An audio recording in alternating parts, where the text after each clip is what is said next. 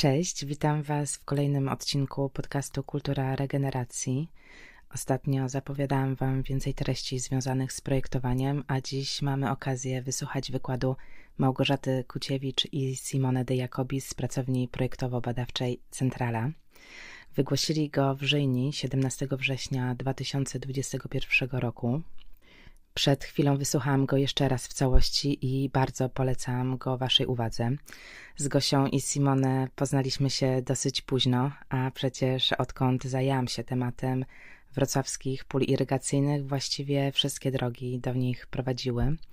Są to projektanci bardzo doświadczeni zagadnieniem rozwiązań opartych o współpracę z przyrodą, właśnie w kontekście projektowym.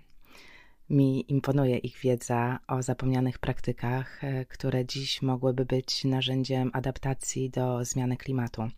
Podczas wykładu Simone podkreśla, że kluczem do zrozumienia tej wiedzy jest język i chodzi tu o to zapomniane bogactwo pojęć opisujących zjawiska przyrodnicze. Wyparowały one nie tylko z naszego języka, ale i z powszechnej świadomości. Przez to niewiele z tych zjawisk jest dla nas widocznych, nie potrafimy powiązać ich ze swoim osobistym przeżyciem. Bagatelizujemy obecność przyrody, odgradzamy się od niej, akceptujemy tylko taką formę, która podlega naszej kontroli, a reszta świata przyrodniczego, szczególnie ta nieożywiona, została przez ludzi utowarowiona. Na końcu tego jest katastrofa klimatyczna, więc wszelkie decyzje, które dziś podejmowane są w obszarze rozwoju miast, będą dotyczyć przyszłych pokoleń, narażonych na życie w niestabilnych warunkach. To, co proponuje Centrala, a mówię to z perspektywy osoby, która dopiero poznaje niuanse prac Małgorzaty i Simona, to inna interpretacja roli architektury, która powinna pozostawać w relacji ze zjawiskami przyrodniczymi i nie nadwyrężać ich. To architektura, która poważnie uwzględnia takie faktory jak zjawiska astronomiczne, atmosferyczne czy, czy cyrkulacja wody i traktuje je dosłownie jak swój materiał budowlany. Tak, w pojętej infrastrukturze, która buduje odporność otoczenia na przyszłe zawirowania, człowiek może celebrować przemiany pór roku i charakterystyczne dla nich zjawiska, tak długo jak jest to możliwe. Przed Wami wykład prezentujący też, czym w praktyce może polegać myślenie scenariuszowe i jak wielką rolę w procesach adaptacji pełni wyobraźnia. Wybaczcie nie najlepszą jakość nagrania. Prawdę mówiąc, ledwo zdążyłam na to spotkanie. Byliśmy wcześniej na polach w bardzo fajnym towarzystwie. Gosia i Simone mają dobrą kondycję, więc strasznie się nachodziliśmy. Potem szybko do domu i do galerii. Padłam właściwie w ostatnim momencie. Sprzęt położyłam niefortunnie na stoliku, więc ten odcinek polecam raczej nie na słuchawkach. Ale muszę przyznać, że nagranie to też oddaje dobrą, przyjemną atmosferę tego spotkania. Takie trochę nagranie z dziwnej kawiarni, w której snute są odważne fantazje o wrocławskich polach irygacyjnych. No, sami posłuchajcie. W debacie publicznej poruszyć e, tematy e, i też wyczuć puls e, jakiegoś danego zagadnienia. Więc na tą wystawę przygotowaliśmy trzy takie wypowiedzi, powiedzmy, spekulatywne, które mają różne poziomy niemożliwości, że tak się wyrażę, jeżeli chodzi o taką wypowiedź artystyczną w zderzeniu z takimi realiami życia. Natomiast przez to, że jest to właśnie wypowiedź w ramach wystawy o szerszych horyzontach jeżeli chodzi o wyobraźnię, no to pozwoliliśmy sobie e, właśnie pobawić się tak, takimi spekulacjami. I pokażemy pokrótce te trzy scenariusze jak sobie wyobrażamy, e, jak one mogłyby rozpocząć właśnie taką rozmowę na temat tego, co na tych polach mogłoby się zadziać. Tylko właśnie musimy wziąć pod uwagę bardzo duży, znaczy odległy horyzont czasowy, tak? Musimy myśleć w takim czasie geologicznym wręcz, bo to jest to wyzwanie, które stoi przed nami tego się nie da, tych procesów nie da się przyspieszyć niektórych, ale no i niektóre po prostu muszą dziać się zgodnie ze swoim przyrodniczym rytmem. E, przepraszam, ja będę mówił po angielsku. Mi się wydaje, nie będzie problem e, dla każdego. E, chciałbym tylko mówić o naszej reprezentacji naszego projektu zdecydowaliśmy z Małgosia zrobienie takiej makiety, takiej 2,5D, takiej prawie trójwymiarowe, które pokazują relacje pomiędzy miasta i pola, jak, jak są e, na tej rysunki, e, które są normalne pokazane tutaj w galerii. Dlaczego dla nas była bardzo ważna taka relacja e, pomiędzy taka no to też widać na slajdzie, nas tak, uderzyła tak, tak. skala, bo jakby Wrocław nam jest znany jak turystą. Nie jesteśmy z Wrocławia, więc mamy pełną świadomość mniej więcej jak wygląda właśnie centrum Wrocławia. I w, jak zobaczyliśmy, jak zrozumieliśmy skalę pól, no to zaczęliśmy myśleć o tym systemie jako po, powiązanym systemie. Jak, e, zaczęliśmy wręcz używać pojęcia kometa, że jest e, e, jakby ta głowa i ten ogon. Tylko, że w wypadku pól i jakby lokalizacji ich w, w, strukturze, w strukturze Wrocławia, to nam się odwróciło. Zaczęliśmy rozmyślać, co, jak te różne scenariusze, co się stanie z polami, mogą wpłynąć właśnie na centrum Poznania. A jako, że interesuje nas e, w ogóle myślenie o mikroklimatach w mieście i znaczy na ile... Wrocławia. Y Wrocławia. Poznań, dzisiaj dużo mieliśmy o Poznaniu. Dzisiaj tak już strasznie. Cieszyłam się. Ale to na pewno ma też wpływ bardzo duży na, na Poznań w takiej, wiecie, szerszej, szerszej skali. Mm.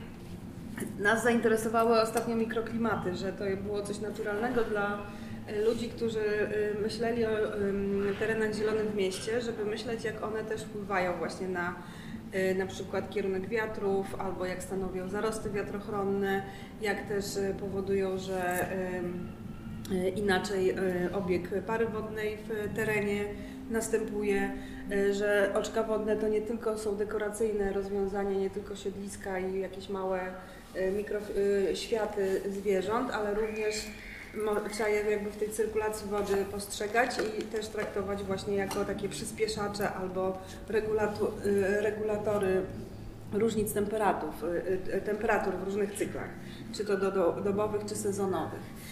I dlatego my te nasze scenariusze powiązaliśmy z, też jakby z ilością ponownego nawodnienia pól, bo znając powierzchownie, ale jakby starając się wniknąć w tę biografię tego miejsca, to oczywiście ta historia, że one teraz wysychają i że zawsze stanowiły taki bardzo ważny element metabolizmu miasta, to jest dla nas jakby najciekawsze.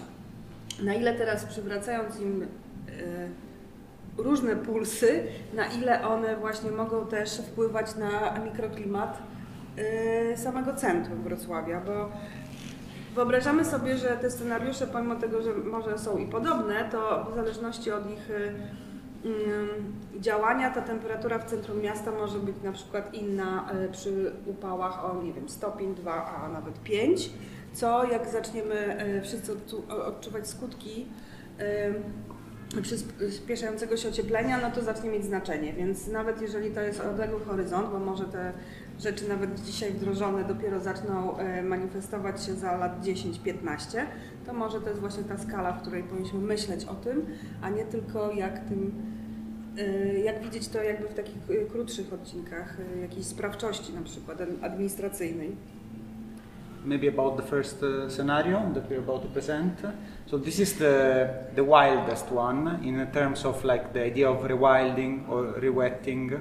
These terms that were very dear to us. So in this case, uh, we're proposing to open up all the sludges and the dikes and the passages and just let the the river uh, invade again like the the old uh, the Starorzecze in, uh, in in a sense to to recreate these wetlands as it was before the um, the, the, German intervention. So that was uh, somehow it's not necessarily like our ideal solution, but like uh, uh, respecting the, the, the, existence of the of the settlement, that could be an interesting way to live together with the current. A little bit, if you're thinking about the, the Venice Lagoon or the, the areas where like the, the, the population is able to kind of to sustain itself together with the natural rhythms. So this is like the wildest scenario, let's say.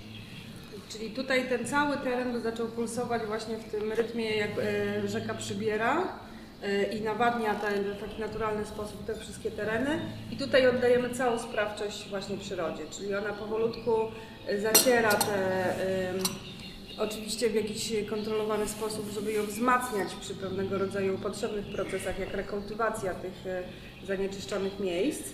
Ale tu sobie wyobrażamy, że to byłoby takie jedno z niewielu miejsc na całej długości rzeki, które by zaczęło na powrót pulsować w jej rytmie. Chociaż chciałam tutaj, chcieliśmy to zilustrować takim slajdem z dorzecza e, Odry, który jest właśnie w programie Rewinding Europe Y, i który, wobec którego zastosowano dokładnie ten mechanizm, czyli po prostu rozszczelniono y, te umocnienia i tam te y, tereny zaczęły przypominać takie właśnie mokradła podmokłości, które nawadniają się i ta woda zbiera i opada właśnie w tym naturalnym rytmie rzeki. A co to jest, przepraszam? To jest, do, do, to jest delta Odry. Aha, czyli przy ujściu. Przy ujściu, tak. Na stronie właśnie Rewilding Europe jest e, kilka takich programów e, w skali europejskiej opisanych i jeżeli chodzi o nawadnianie terenów, to właśnie jest doznacze Udry, Odry i Dunaju, więc też dla nas to jest ciekawe, że już na tym, na tym samym, na tej samej rzece, że tak powiem, już taki proces się odbywa, więc e, zapewne to wyglądałoby trochę inaczej to siedlisko, ale, ale pewnie podobnie. I tutaj chcieliśmy wspomnieć o takim parku, który obserwujemy, który jest w podobnej skali, jeżeli chodzi o relacje do y, miasta. Chociaż to jest trochę inna historia. To też jest tak, że zarzucono pewien pomysł, jeżeli chodzi o infrastrukturę militarno-inżynieryjna do miasta. Tak. Inżynieryjną to jest park Bukareszti w Bukareszcie. Po widok decyzji z, jakby, podjętych za Czałczesku w 1986 roku jakby realizowano ciągle taki zbiornik retencyjny, a może nawet strategiczny zbiornik wodny, nie wiemy czy to dla ludności, czy do jakby gaszenia. Natomiast on y, został pozostawiony odłogiem, dlatego że no, jakby dokonał się przewrót polityczny i jakby już cała ta struktura też y, y, strategiczna, wojskowa się rozsypała, a to jest w, w, takiej skali i jest bardzo blisko centrum Bukaresztu. Natomiast to jest trochę inna sytuacja, bo tutaj nie ma problemu z tym, że to się osusza, dlatego że to jest taka wielka no, betonowa brytwanka, więc tam po prostu ta woda od tych dziesiątków lat stoi i obecnie jest to najbardziej bioróżnorodny teren w Europie. Czyli y, jest to taka skala w sumie trzech dekad, a y, tyle natura potrzebuje, żeby tego, miejsc, tego miejsca, że tak powiem, y, z czegoś jałowego przemienić w najbardziej bioróżnorodne. Więc jak myślimy o polach, to na przykład taki scenariusz 30 lat, patrząc właśnie na ten przykład z Bukaresztu, jest jak najbardziej pożądany. Natomiast tutaj e, była cechą tego terenu było jednak to, że przez ten, większość tego czasu w ogóle nikt tam nie wchodził. Że te umocnienia po wodzie 8-metrowe mm, powiedzmy groble no, powodowały, że tam po prostu za, za dużo osób y, nie wchodziło, że ta natura miała jakby była totalnie niezaburzona. no. And uh, I, think, I think that this could be also an inter- interesting example like methodolo- methodologically because in fact there is like a, a, a, community taking care of this park there is a website there is uh, a, uh, a, full spectrum of which are the species which are under protection in this area. There is like the, the mm, it's forbidden to actually enter this area. So somehow like it would be interesting perhaps to establish a, a network of these areas through europe and get in touch with these guys which are running the, the space and uh, they promoting the space and uh, and see oh, okay we, we have this one in, in Wrocław. It's pretty similar. Why don't we do things together for instance? To, ten scenariusz podoba nam się w, pod takim kontekstem, że on po prostu zapewne pokazał e, różnorodność tego terenu, bo od, e, odkąd zaczęliśmy wspierać myślenie o terenach podmokłych, podmokłych jako e, miejskim e, obrazku, bo wcześniej jak rozmawialiśmy o okradłach, to jednak myśleliśmy o czymś poza miastem, a teraz rozumiemy, że to musi być naturalny element również e, urbanistyczny, że urbaniści przyszłości na pewno będą gradualnie też rozumieć te przestrzenie od takich, które nawadniają się powiedzmy w bardzo krótkich cyklach, od takich, które stoją po prostu i są cały czas nawodnione.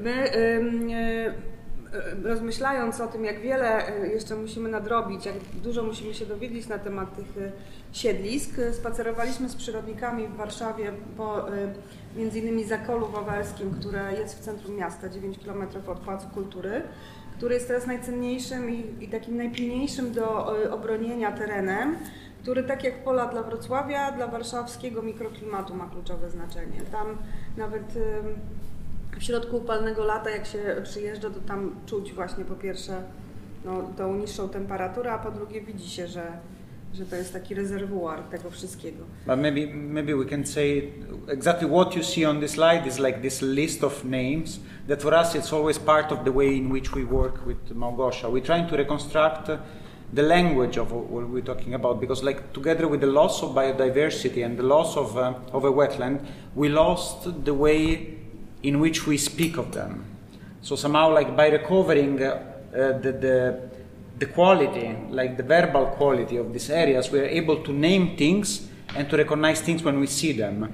And thanks to the um, Viktor Kotowski and Adam Snopek, these uh, experts from the Warsaw Wetland Center, we, we managed to recover this uh, incredible, incredibly rich vocabulary. Chociaż nie do końca jeszcze jakby wszystko rozumiemy, bo rozumiemy um, tużycowiska, trzcinowiska, szuworowiska, to są nazwy, które mówią o dominujących gatunkach na danych e, terenach. E, część z tych nazw to jest w ogóle z porządku powiedzmy literackiego, e, to są takie słowa grozy, czyli topieliska, trzęsawiska, takie mroczne, mroczne przedstawienia. E, ale też e, zrozumieliśmy, że jedynym bagnem, na które naprawdę trzeba uważać, to jest torfianka, czyli takie miejsce po wydobyciu torfu, bo to jest jakby z e, miejsce, które jest zdradliwe po prostu, bo tam takie odby zapewne odbyły się procesy, których w naturze by nie było. Więc nie wiem, no spacerowaliśmy już kilkakrotnie oczywiście z przyrodnikami po takich terenach i my już jesteśmy totalnie zakochani w terenach podmokłych. Natomiast to, co rzeczywiście w tej debacie bardzo często jest takim punktem może, y, który trzeba przejść, to trzeba y, wyjaśnić, że to nie śmierdzi, to nie produkuje komarów, jak jest dobrze, jakby jest w równowadze biologicznej. To jest bioróżnorodne i nie tylko, że nie wadzi ludziom, nie wciąga ludzi na siłę, to rzeczywiście e, jeszcze poprawia właśnie ten mikroklimat. No i zachwyca bardzo często, więc e, myślę, że tak jest też z polami, że jak się zaczyna e, o nich rozmowę, to najpierw się widzi te wszystkie negatywne wyzwania i widzi się przez jakiś pryzmat stereotypów, na przykład temat zapachów też jest tu podjęty na wystawie. No a potem, potem jak człowiek poznaje te wszystkie przyrodnicze zasady, to się okazuje, że nawet zaczyna szukać tego, tego sierkowodoru, bo po prostu rozumie, co to znaczy. Więc e, przechodząc do takiego, e, powiedzmy, drugiego scenariusza, drugiego scenariuszu to, to jest, on jest w drugą stronę spektrum. spektrum przesunięty. Tak jak tam mieliśmy totalną naturalizację i oddanie się sprawczości przyrodzie, to tutaj myślimy, jak kontynuować e, ten świetny niemiecki projekt, który tutaj był i jak zrobić z tego taką totalną inżynierię, czyli tak zaprogramować ten, e, to, ten teren, że wszystko się przyda, wszystko będzie pożyteczne, wszystko będzie pracować w sprzężeniu z większymi procesami we Wrocławiu, które są oparte właśnie o takie naturalne rozwiązania. I tutaj doszliśmy do wniosku, że okej, okay, takie miejsca, które dla przyrodników są kluczowe i dla jakichś ważnych gatunków, no to dobrze, to renaturalizujemy, ale głównie opieramy się o tą infrastrukturę i nawet możliwe, że realizujemy do końca nie, niezrealizowane projekty i e, na tej siatce, na tych grzebieniach takich inżynieryjnych zaczynamy taką porządną uprawę dla Wrocławia, taki PGR Wrocław. No i tutaj Ilustrując to właśnie chcieliśmy pokazać, y, co poznaliśmy dzięki Kasi, czyli jeden z tych archiwalnych rysunków, który pokazuje y, na przykład te niedokończone projekty, czyli że dużo tych kwater, tych poletek irygacyjnych miało być jeszcze więcej, na przykład właśnie w okolicy tego siedliska, na którym dzisiaj byliśmy. E, I tutaj e, chcielibyśmy pokazać kilka mm, przykładów, co na takiej farmie wrocławskiej mogłoby się dziać. My weszliśmy w temat hydrobotaniki 3 lata temu. Yy, zrozumieliśmy, że zniknęła nas architektury jako komponent i teraz bardzo dużo uczymy się na temat hydrobotaniki. Właśnie nie, nie wiemy na temat mokradeł, natomiast jeżeli chodzi o takie ogrodnictwo doniczce roślin wodnych, to można powiedzieć, że wiemy dużo. Więc rozumiemy na przykład, że prowadząc plantację pisti, która jest, akurat tu nie ma jej na slajdzie, ale jest gatunkiem inwazyjnym, to jest metoda e, na przykład e, oczyszczania z metali mhm. ciężkich. Tak? O, jej korzenie e, po prostu świetnie to wyłapują. Tu widzą Państwo rodzime gatunki, czyli właśnie te przynależne jakby też tym terenom. Wszystkie one są pod ochroną, czyli mamy marsylię, mamy grzebieńczyk i mamy kotewkę wodną, którą bardzo chętnie nasi przodkowie spożywali. E, i robili z tego broń, ozdoby i tak dalej. Tak wygląda nasza grządka wodna. To jest e, to stoi przed galerią Zachęta w Warszawie. Pistia to jest ten inwazyjny, to, są te kapustki, które pływają po lewej stronie na przy zdjęciu. Tak, czyli to jest na przykład taka, e, taka roślina, która jakby, znaczy nie mogę powiedzieć z taką pewnością e, przyrodnika, który prowadzi badania na ten temat, ale z tego, co się dowiedzieliśmy w ogrodach botanicznych, to jest taka, takie sprzymierzenie. Now maybe I can explain a little bit how it works, because basically uh, most of, uh, of water plants are uh, rooted in the soil. So somehow you need a, a bed, like for the water lilies, or for the papyrus, or for the kszałka wodna. But pistia, together with uh, other species which are now listed since two years in the, under the re- register of the invasive species, it's actually floating. It's a, the roots are just like, you know, like, it's, it's, a plant which is a, a boat. But like these roots are very hairy. They're very, they're made of very teeny tiny kind of little spikes. And thanks to that, those type of plants are able to absorb all these heavy metals and uh, impurity which is uh, in water. And there is an, an, experiment going on in a German university to actually try to recover, to clean up uh, uh, natural sources with these plants, and then to kind of actually to recover even these metals by burning the plant. So perhaps like some of this uh, in this scenario number two, some of these basins could be uh, used for the purpose of uh, exploring uh, how to phytoremediate, which is actually the, the original purpose of the. Tylko żeby nie naszych wydzielin nie oczyszczać, tylko żeby oczyścić się samoczynnie, że tak powiem, mm. przy wsparciu właśnie y, y, tych y, gatunków roślin wodnych. To jest zdjęcie, przez które zaczął się w ogóle cały ten temat hydrobotaniki w naszym wykonaniu. W książce o estetyce miasta Pomiędzy innymi warszawskimi przykładami zobaczyliśmy właśnie to zdjęcie, a znaliśmy te pojemniki z ulicy Warszawskiej, więc e, dlatego postanowiliśmy to zrekonstruować.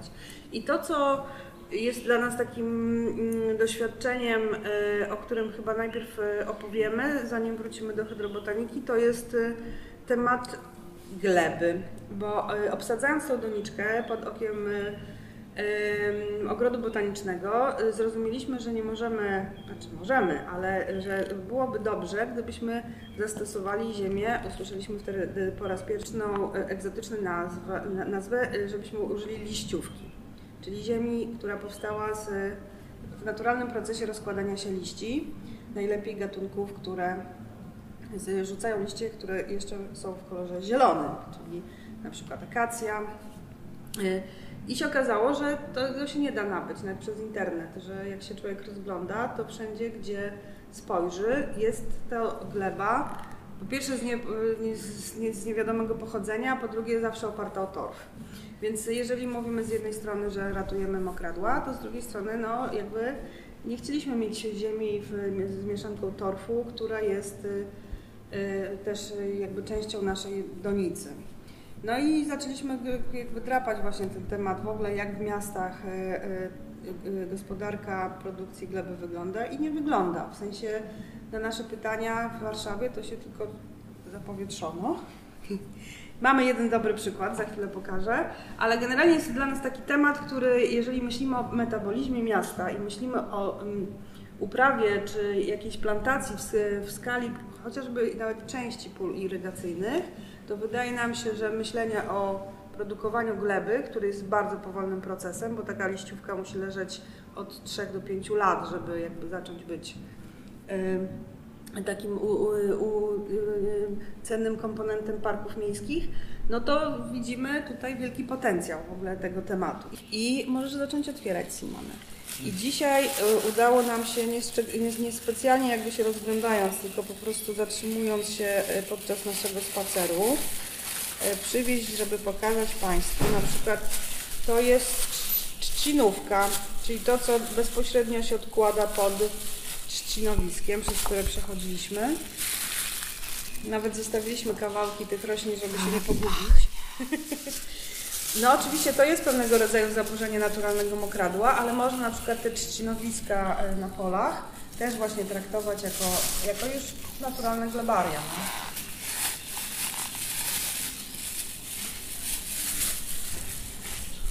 Ale pachnie, dobre. Co tam masz? Jak powiem, co to jest? To jest liściówka. Możemy zrobić taki label z koszulą.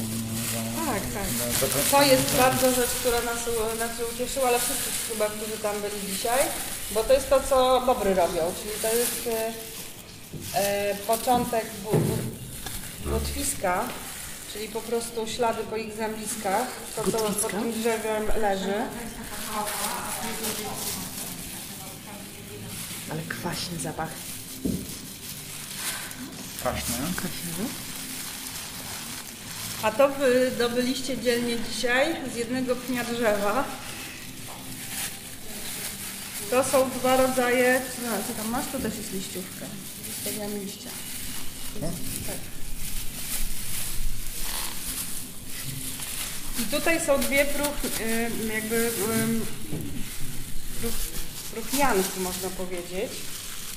Z jednego tego samego drzewa, czyli dębu, tak podejrzewaliśmy, że to dąb jest. Tak. I to jest z e, części korzeniowej, a to jest z e, części pnia. Super, nie? Zabieramy to do pracowni. Musimy sobie jakieś pojemniczki. Powąchać ostrożnie, żeby się nie udusić. Rozpocząć tą debatę, żebyśmy w ogóle się dowiedzieli, jak to w mieście funkcjonuje jakie są obiegi, kto jest graczem, bo na przykład dla nas dużym zdziwieniem było to, że graczem w metabolizmie gleby warszawskiej jest zoo, że zwierzaki też y, dostają koszonkę, liściówkę i że też y, na przykład bawią się y, choinkami, które są pozyskiwane z naszych śmietników po świętach, więc też czasami się nie widzi tego, ale liściówkę, jedyne miejsce, które w Warszawie nam do naszej doniczki użyczyło tej liściówki, to był ogród botaniczny, więc zapewne tutaj we Wrocławiu też, też produkują dla siebie różne rodzaje gleby. Maybe I can say something on the next slide. Maybe Gosha then will say something more. But I, I think that this uh, our interest uh, for soil also develops together with the with the topic of extractivism that is like relevant in the how much the discipline of architecture generally uh, it's uh, impacting uh, uh, like the way in which we're treating our planet. So there is like this issue, for instance, that the most of the sediments which are in uh, concrete are coming from the rivers. So we're just taking sand without like uh, caring about the consequences of these actions, or the the, the fact that the turf uh, is and peat is, is mostly used in uh, flower cultivation. So somehow like this uh, manipulation. When Gosha is talking about the me- metabolism of the city, he's talking about like our capacity of like taking and moving and using and uh, remodeling. And we, try, we would like to understand more in this, uh, uh, what's going on in this dynamic, because the issue it's also very political. Tak, a my chcielibyśmy, żeby w pewnym momencie nie myśleć w ogóle o glebariach, że to jest coś, co musi być na powiedzmy obrzeżach miasta, ale żebyśmy na przykład myśleli, że mogło być tworzone na dachu, że może takie butwiejące miejsce można tworzyć na te parę lat w bezpośrednim otoczeniu, bo y, to jest właśnie największy problem, że jakby cały czas te zbitki myślowe jakby rezonują i, i te, ten homo melioratus przez te kilkadziesiąt lat, y, kilkaset lat zawsze też był wspierany przez właśnie tą literaturę, która y, o tych błotach straszliwych y, pisała jak najgorzej. Tutaj z Marcinem Wichą się śmiejemy, bo on ostatnio w książce o Malawiczu też o tych błot, y, błotniskach pisał, natomiast tutaj kawałek rzeczy, którą mu przywieźliśmy, czyli czarnoziem ukraiński. I to też pokażę, to nie jest tutaj lokalna rzecz, ale, ale to jest zupełnie co innego, to jest jak plastelina, no to jest naprawdę to jest naprawdę błoto wyższej klasy. No. I e, nasi studenci w Charkowie po prostu wyszli przed szkołę, e, e, pobrali ten materiał i potem projektowali groty w tym, więc e, użyli tego jako budulca makiet architektonicznych, co dla nas jest e, optymistyczne bardzo, jeżeli chodzi o przyszłość. E, byliśmy z przyrodnikami, to jest właśnie ten temat, który ma chyba najwięcej do Y, do zainspirowania, jeżeli chodzi o nową architekturę w miastach, bo y, będą potrzebne właśnie takie miejsca, gdzie, w, gdzie, gdzie te procesy brudne zaczną być y, jakby oswajane przez mieszkańców. I Coraz częściej widzimy butwiejące drzewa w mieście, natomiast bardzo byśmy chcieli, żeby to się stało też częścią dialogu o kompensacji przyrodniczej, że takie zwalone drzewa na e, jakiejś inwestycji, które zostają przez kilka e, lat po ścięciu drzew lokalnych e, są może nawet bardziej przyjazne niż posadzenie jakichś sadzonek gdzie indziej.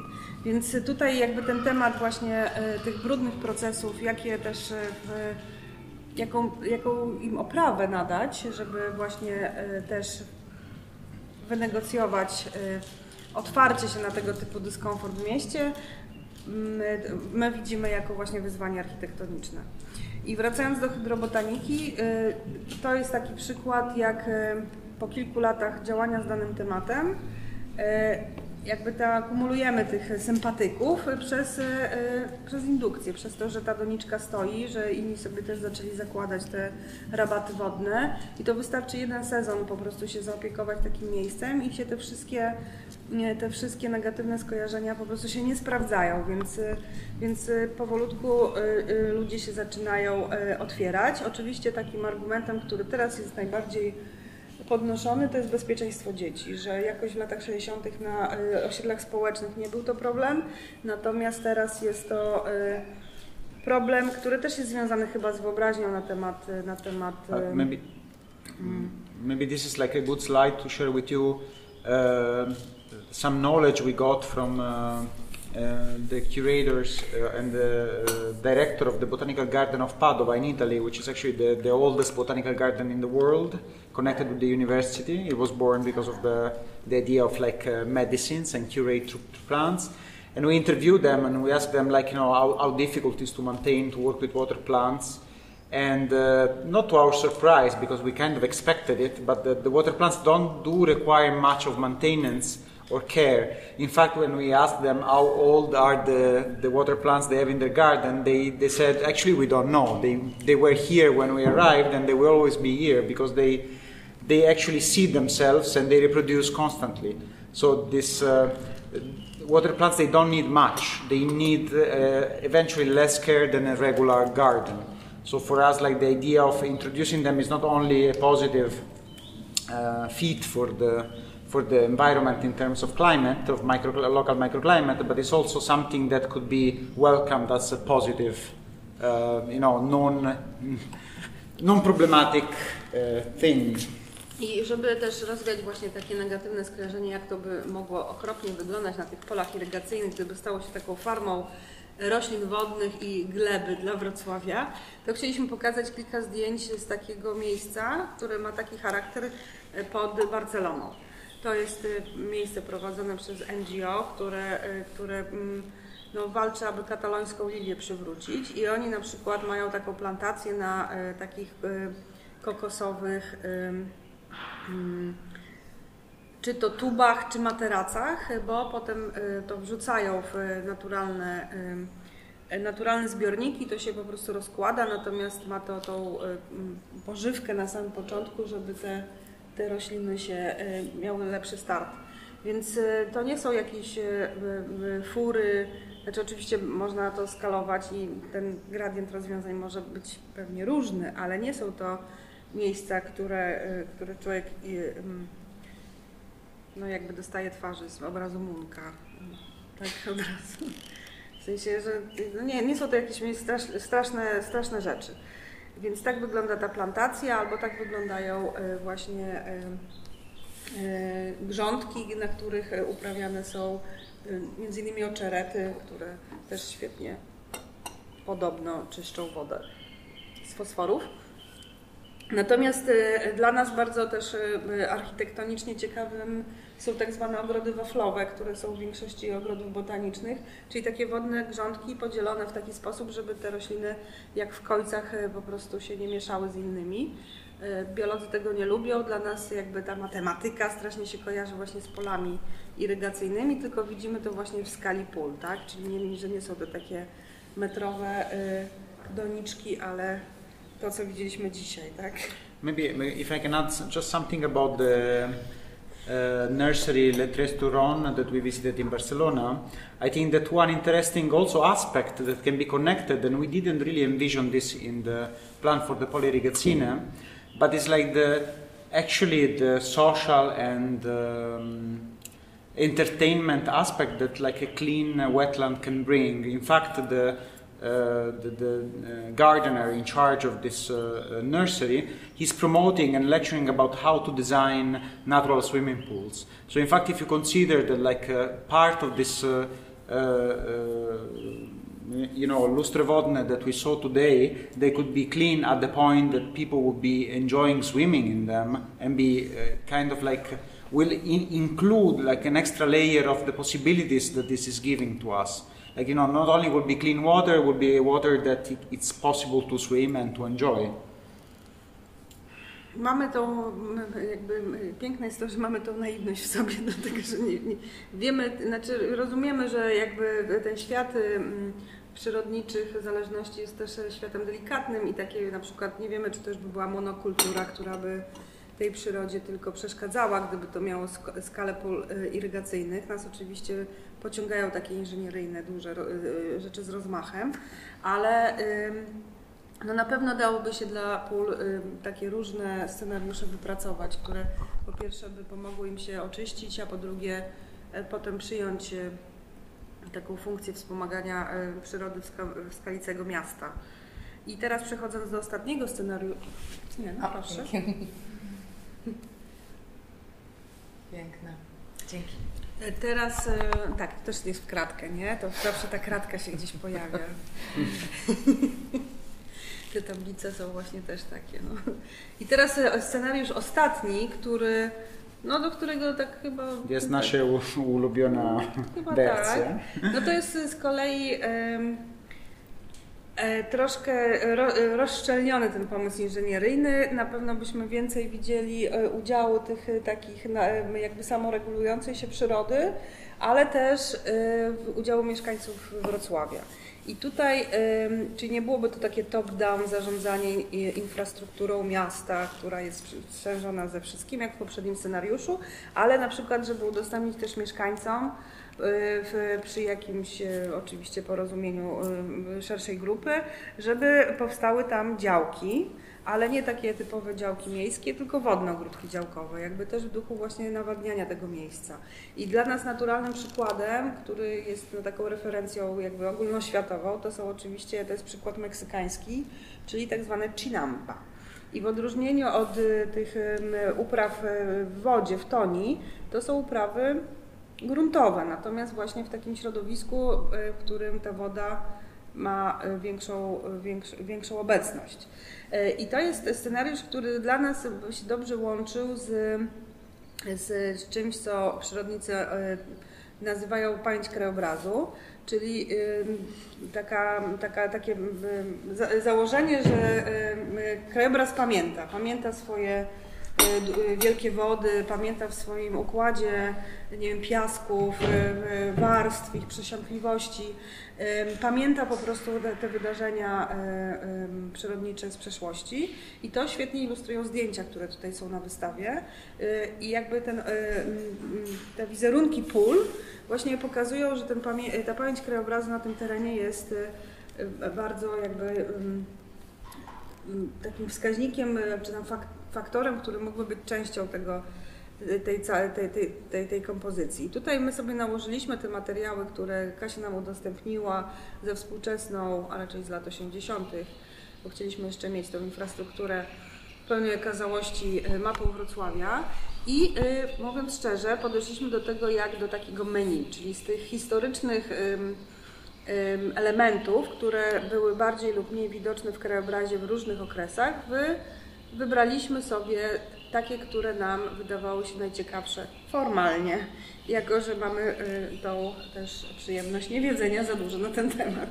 No. I, y, na, i, sobie założyliśmy, że gdyby się ym, rozszczelniło pewne miejsca, gdyby się zwróciło uwagę na te ślady zapisane na, na, na tych zdjęciach, czyli na przykład właśnie te starorzecza, które cały czas odbarwiają uprawy w danych miejscach, to będzie można to połączyć właśnie z takim, e, z takim e, ogrodnictwem, które by reagowało na te mm, pojawiające się i znikające się e, elementy, które w, w tym krajobrazie z uwagi na to, że ta pamięć by się ujawniała z różnych warstw historycznych, w zależności co by się tam działo, bo zakładamy, że tak jak to ewoluowało, tak samo by ten proces szedł w stronę odwrotną, że wtedy można by takimi chinampas, takimi wodnymi ogródkami na to reagować i jakby sobie je uprawiać pomiędzy tymi strukturami.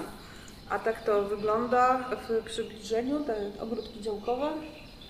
Y, I wydaje nam się, że jeżeli cały Meksyk mógł być tak zbudowany, to tutaj skala pól nas zupełnie nie przeraża. Tym bardziej, że w Ukrainie też jest taki przykład, czyli Wilkowo, które dokładnie w ten sam sposób działa. Czyli jakby też nie jest to egzotyczne dla naszego kręgu kulturowego, powiedzmy. Więc y, moglibyśmy śmiało część tego nawodnić y, i na takich terenach y, nie tylko uprawę w toni jakby prowadzić, ale też właśnie te ogródki, małe ogródki działkowe na, na, y, na polach. A wszystko po to, żeby też y, jakby móc reagować na te wielkie wyzwania i w zależności od ty, te, tych potrzeb, jeżeli chodzi o mikroklimat miasta, y, no jednak ws- wspomagać się tym, tym, ty, tą, tą kometą, tym wielkim terenem, który mamy, jako rzecz, która, która mogłaby nam pomóc. Tak? I jeszcze na koniec, no to są te trzy scenariusze, to, że jakby tutaj w całej tej opowieści zabrakło też tej perspektywy od y, zwierzęcej i od roślinnej, to y, mówiliśmy tak bardzo użytkowo, czyli znowu traktujemy, znowu opowiadamy o, o tym całym systemie właśnie w taki sposób y, usługowy, że tak powiem.